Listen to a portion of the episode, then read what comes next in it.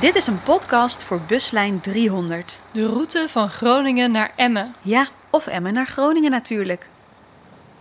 Berend Berend Botje.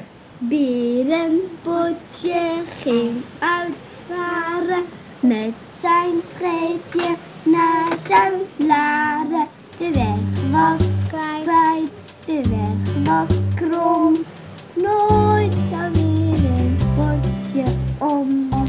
Het bekende historische kinderliedje. Berend Botje lijkt zomaar bedacht, maar mogelijk heeft Berend Botje echt bestaan. Je moet niet tellen. Zijn echte naam was Lodewijk van Heijden. Lodewijk kwam uit een bijzondere familie. Hij was namelijk zoon van de toenmalige drost van Drenthe. Een drost is de bestuurlijke baas van de regio. Lodewijk werd aan het eind van de 18e eeuw geboren en woonde met zijn familie op de havezate Laarwoud in Zuid-Laren. Zeg maar een burcht in dat dorp. Een mini-kasteel. Best chic dus. Of zijn ouders hem nou een chique opvoeding wilden geven, of dat ze op een gegeven moment zat werden van hun tweede zoon, is niet helemaal duidelijk. Feit is dat Lodewijk op negenjarige leeftijd kadet werd bij de Hollandse zeemacht. Op zijn zestiende werd de puber luitenant ter zee. In die jaren maakte hij verschillende reizen naar verschillende landen, waaronder ook naar Engeland. En dat reisje was toen best omstreden, want de patriotten wilden een meer democratisch Nederland, zonder de absolute macht van de adellijke oranje familie.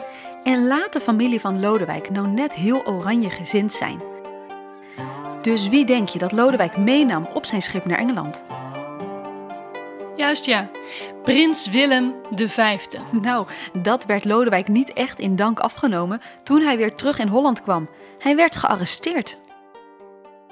Twee maanden zat hij in de gevangenis. Maar Lodewijk liet niets los over de overtocht en werd weer vrijgelaten. Toen nam hij gelijk ontslag uit dienst. Maar de zee bleef roepen.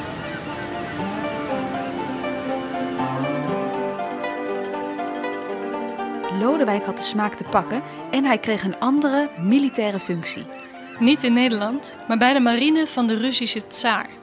De bekendste slag die hij voor hen uitvoerde was de slag bij Navarino, aan de westkust van Griekenland. Dat was in het begin van de 19e eeuw en het werd een historische zege.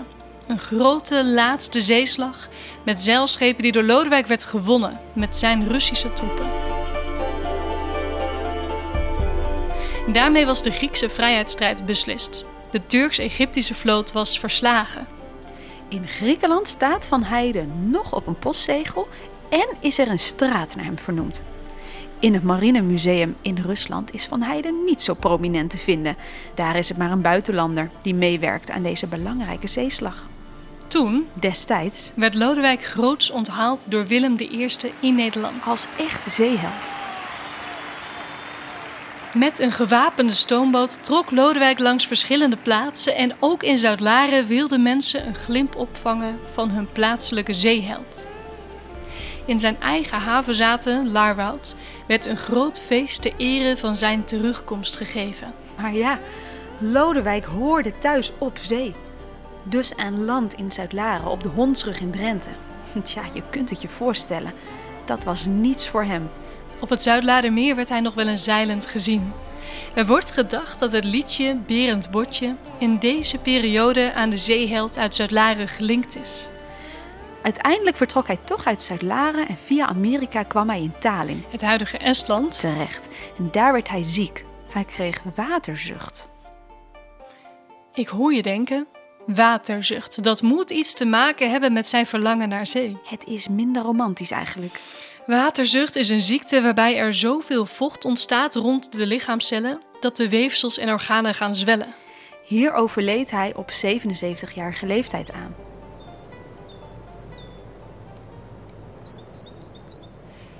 Havezate Laarwoud bestaat nog steeds en heeft jarenlang gediend als woning voor de burgemeesters van Zuid-Laren en ook als gemeentehuis.